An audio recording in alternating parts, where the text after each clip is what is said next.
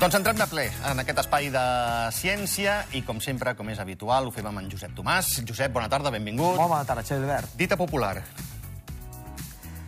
Va, Sí, a clar, molt pel gener. Sí. Jeure i no fer res. No fer res. Uh, poc han pogut jeure, eh? Poc. Perquè, Exacte, i poc podrem descansar. Eh? perquè no ha glaçat molt, eh? No hi ha manera. Ara aquests dies una miqueta, no? Encara continuem amb aquest anticicló persistent. Normalment l'anticicló sí que els mesos de gener, finals de desembre, gener i una mica de febrer, doncs, és habitual a l'hivern a casa nostra. I, de fet, doncs, la situació eh, aquests darrers dies és de cels serens o amb núvols de tipus alt, com podem veure a la primera imatge de totes que ens porten els nostres espectadors. Primer I, de com tot, sempre, deixa'm recordar Exacte. que aquestes fotografies les han d'enviar, les heu d'enviar a meteo.rtba.ad. I allà el Josep el feu contentíssim. Doncs mira, ens anem cap al port de Cabús, tothom coneix Vinga. el port de Cabús, eh, una imatge, home, no és esfereïdora, però esfereïdora, ara ho he dit bé, però sí que hi ha una manca de neu, Sí. es veu molt, Sí. molt l'herba, Queda molt palès. eh, pelat, molt marronós, perquè és la cara sud, és la cara més ensolellada eh, i, evidentment, cap a, al fons, on es veu Salòria, eh, justament doncs, al, al, al port de Cabús, allí doncs, hi ha una mica més de neu, evidentment, és més alçada, Sí, però, però... però és, és enfarinat, eh, també. Sí, sí. Eh... Gent que no es pensi que, està, No. que ens està escoltant per la ràdio que hi ha un metre de neu, no? No, no, no, hi ha poqueta neu eh, i, i de fet doncs és una mica la imatge que tenim eh, de cara sud eh, del Pirineu, cara nord una miqueta més, amb aquests núvols de tipus alt. I degut a la calor, Sí. eh, aquests darrers anys, què està passant, Xavi Albert? Doncs que tenim una espècie invasora que no ens correspon a, a, aquí, en aquesta alçada en la Aquesta que estem, època, no? Mhm. ni, ni aquesta època, que és la professionària, no? que cada Terrible. cop n'hi ha més. Terrible. Imatge, en aquest cas, de Marisol Grau, d'uns pins que tenen professionària. Doncs aquest element eh, blanc, doncs, aquesta espècie doncs, de casa que es fan, Sí, aquesta bossa, sí. aquesta bossa, Sí, sí. eh, i, I que... molt al·lèrgica tant per, per humans com per la resta d'animals. Eh? Exacte, exacte, i molt perillosa, eh? Molt, molt. Eh, molt Molt al·lèrgica. de compte si aneu al bosc. Exacte. I uh, a on això? A la cortinada. A la cortinada. No és A a, tocar. la frontera, A tocar. eh? a la frontera sud, sinó a, a cotes de 1.300, Sí, sí. 1.400, 1.500 metres. Per tant, molt amunt. Això ens fa una mica l'efecte d'aquestes altes temperatures que estem tenint i unes altes temperatures que també lliguen amb mm, doncs, insectes i també doncs, amb reptils que estan començant a despertar una Com mica. la sargantana. Exacte. Tenim una sargantana Sí. eh, doncs que ens ha fet aquesta imatge, aquesta fotografia en José Antonio Torres, una sargantana doncs, que està prenent el sol, s'està escalfant, doncs, eh, són de sang freda i per tant necessiten l'escalfor del sol, del mes de gener. normal, no?, veure una Al mes de sargantana. gener, Clar, és poc sol hi ha, eh? Mare de Déu. Doncs alguna sargantana doncs, que... Eh, però clar, poc aliment també tindrà perquè pocs insectes hi ha. Correcte. Algun ja s'avisa, s'avisa doncs, alguna mosca, Sí. alguna, algun petit insecte doncs, que està fent la viu-viu, però eh, poqueta cosa, però esclar, eh, no és normal en aquesta època de l'any. Eh, altes temperatures, van tenir la setmana passada rècord, 22,6 a les Salines, una temperatura mai assolida en un mes de gener des de que hi ha registres, eh, si més no, doncs, eh, des de doncs, al final del, del segle passat. En definitiva, doncs, tenim aquesta situació eh, que, com a mínim, s'allargarà tota aquesta setmana i la vinent sembla que pot començar a canviar. Val, a veure, he sentit bé, no? Hem sentit bé, també, des de casa, no? 22,6 has dit? Sí, a les Salines, rècord. Però això comença a ser exagerat, ja? Home, evidentment, evidentment, eh? De eh Déu. els anteriors rècords, em puc equivocar, però estaven cap als 18 graus. Imagina't, 4 graus. 4 graus de més, clar. Quatre i mig, La setmana passada teníem 10 graus més del que tocaria de les màximes. No, no, no és normal. No és I això dius que ha de canviar la setmana que ve? Sí, de fet, aquesta setmana ja ha anat canviant una mica, ja han anat baixant les temperatures, ja ha tornat a glaçar una mica, estem 5-6 graus per damunt de la mitjana, però no són els 10 o 12 graus per damunt. Sí, sí, sí. A veure, eh, Dins del mal... Eh? sí, és el menys mal, arreglat no? una mica, sí. Una miqueta s'ha arreglat. Quan arriben, en canvi? Sembla que aquest anticicló es vol retirar una mica a partir de dijous, divendres, Val. dissabte. De la setmana vinent, eh? No d'aquesta. No, no, la setmana vinent. Val. Encara ens queden dies de, Val. de solana, eh, per dir-ho. I com serà? Doncs tenim un mapa Sí. eh, de temperatures a 1.500 metres, 1.500, que val. són 850 hectopascals, però parlem d'aquests 1.500 metres, on una llengua d'aire fred que ve de l'Atlàntic doncs sembla que entrarà cap a eh, la península Ibèrica, també cap al Pirineu, amb vent de component eh, sud-sud-oest girant després cap al nord i portarà associat doncs, també un canvi de temps. Ja veurem com serà aquest canvi de temps perquè falten molts dies i encara potser poden haver rebaixes de gener. O sigui, pot anar menys. Val. Però sembla que hi podria haver. Dic condicional. Eh? Després per quedar no res. Eh? I eh, quines precipitacions hi hauria? Doncs tenim un mapa on es veuen aquestes precipitacions i fixa del Pirineu com els colors blaus, foscos, sí, a cara nord sobretot, eh, doncs, són els que dominen i això vol Perfecte, dir perfecte. que doncs, hi podria haver-hi doncs, eh, unes precipitacions de neu. Sembla que la cota ara estaria cap als 1.300 a 1.500 metres aproximadament, Mhm. falten molts dies, però sí que hi hauria doncs, aquest canvi de temps, ho diem en condicional, a veure què és el que acaba passant. Eh? Val. Eh, La setmana que ve potser haurem de dir una altra cosa, però de moment, Correcte. a molt llarg termini, sembla que hi pot haver aquest canvi de temps que ja és alguna cosa, no? És, podria ser un punt d'inflexió respecte a les darreres setmanes que hem tingut amb aquestes calorades, amb aquest temps inusual. Val. Que faci temps estable al- a l'hivern és normal, però amb temperatures més baixes. Que no és normal és el que hem tingut. Abans d'anar a la lectura que ens recomanes aquesta setmana, deixa'm que em dirigeixi a tota la gent que ara mateix ens està escoltant i o veient i dir-los que el dia 13 de febrer és el Dia Mundial de la Ràdio i nosaltres aquest any el celebrem a Ràdio Andorra, en camp. I tu, que estàs a casa, pots venir a fer-nos companyia, si vols, marcant el 360 843. 360 843, ens truques, reserves la teva plaça i nosaltres ens posarem en contacte amb tu per tal de veure com ho fem perquè t'apropis fins a Encamp, a Ràdio Andorra, que les instal·lacions són molt xules.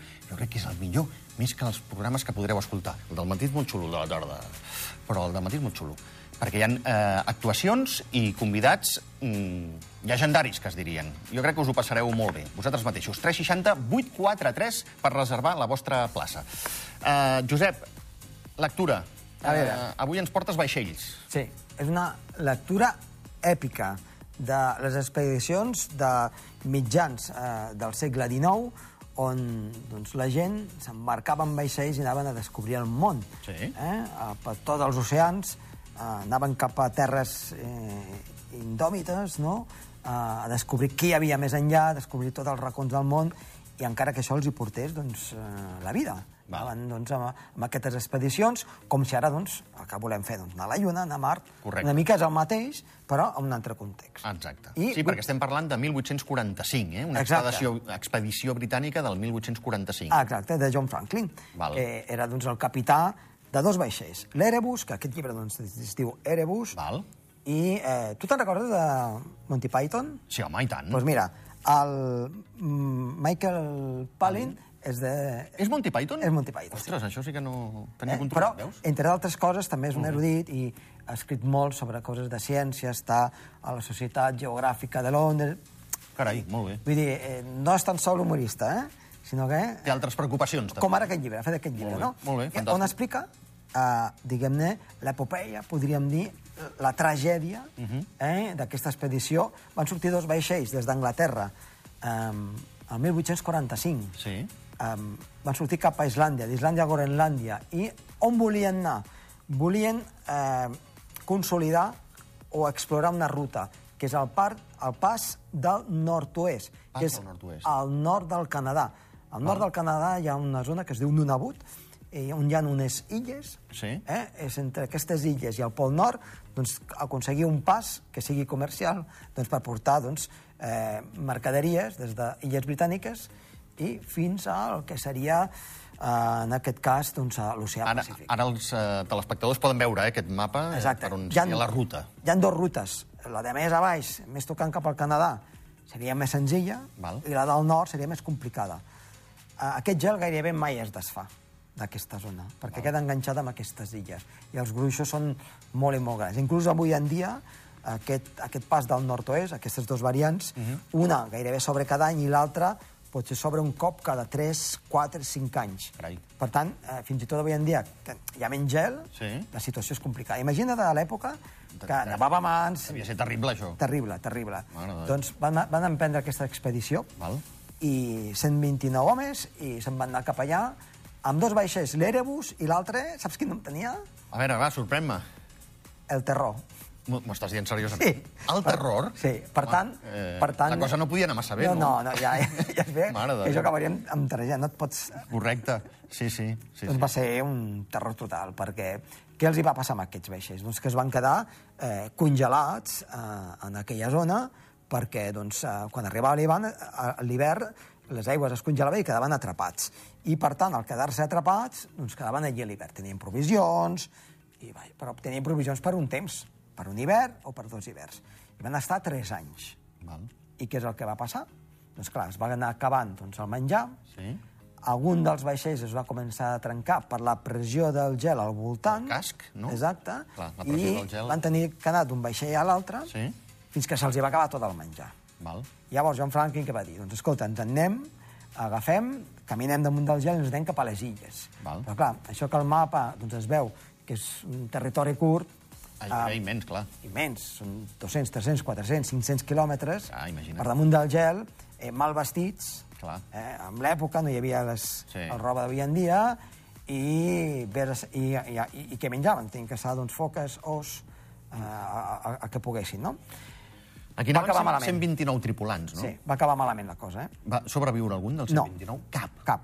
Eh, van enviar expedicions al cap de- d'un temps i el que, el que es va descobrir eh, doncs va ser que havien mort tots, eh, degut a que alguns inuits van dir sí, van veure algunes persones molt lluny, i, va, i la cosa va quedar així i no es va saber mai més res. No? I ara, l'any 2014 i el 2016, hi van haver dues expedicions i es van trobar restes sota el mar d'aquests Carai, vaixells. ostres.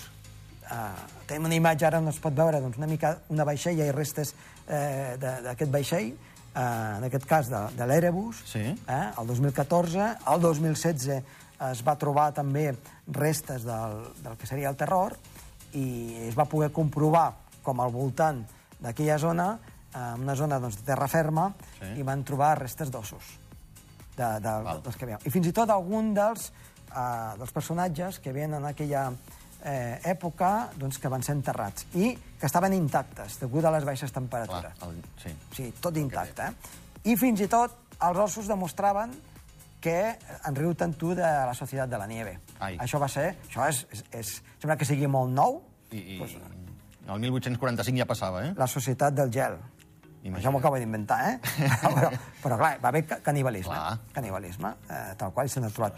Doncs eh, suposo que deu- deuen haver doncs, eh, traces als ossos de, de, de mossegades. Eh, va haver canibalisme per poder sobreviure, no va sobreviure cap, i així va acabar la història, però vaja, és, un, és una història èpica eh, per tenir a casa, i hi ha moltes coses de, del clima d'allà, de la meteorologia que trobaven, i una mica doncs, per això doncs, m'he explicat que el pas del, del nord-oest avui en dia encara és molt i molt perillós i eh, no és una ruta comercial. Com se n'assabenti Juan Antonio Bayona o Martin Scorsese, saps què vol dir, no? Sí, pel·lícula. pel·lícula al canto. Pel·lícula al canto. Pel·lícula al canto. La Societat del Hielo. Ja veurà, m'agafo. La Societat Òscar, del Gel, eh? va.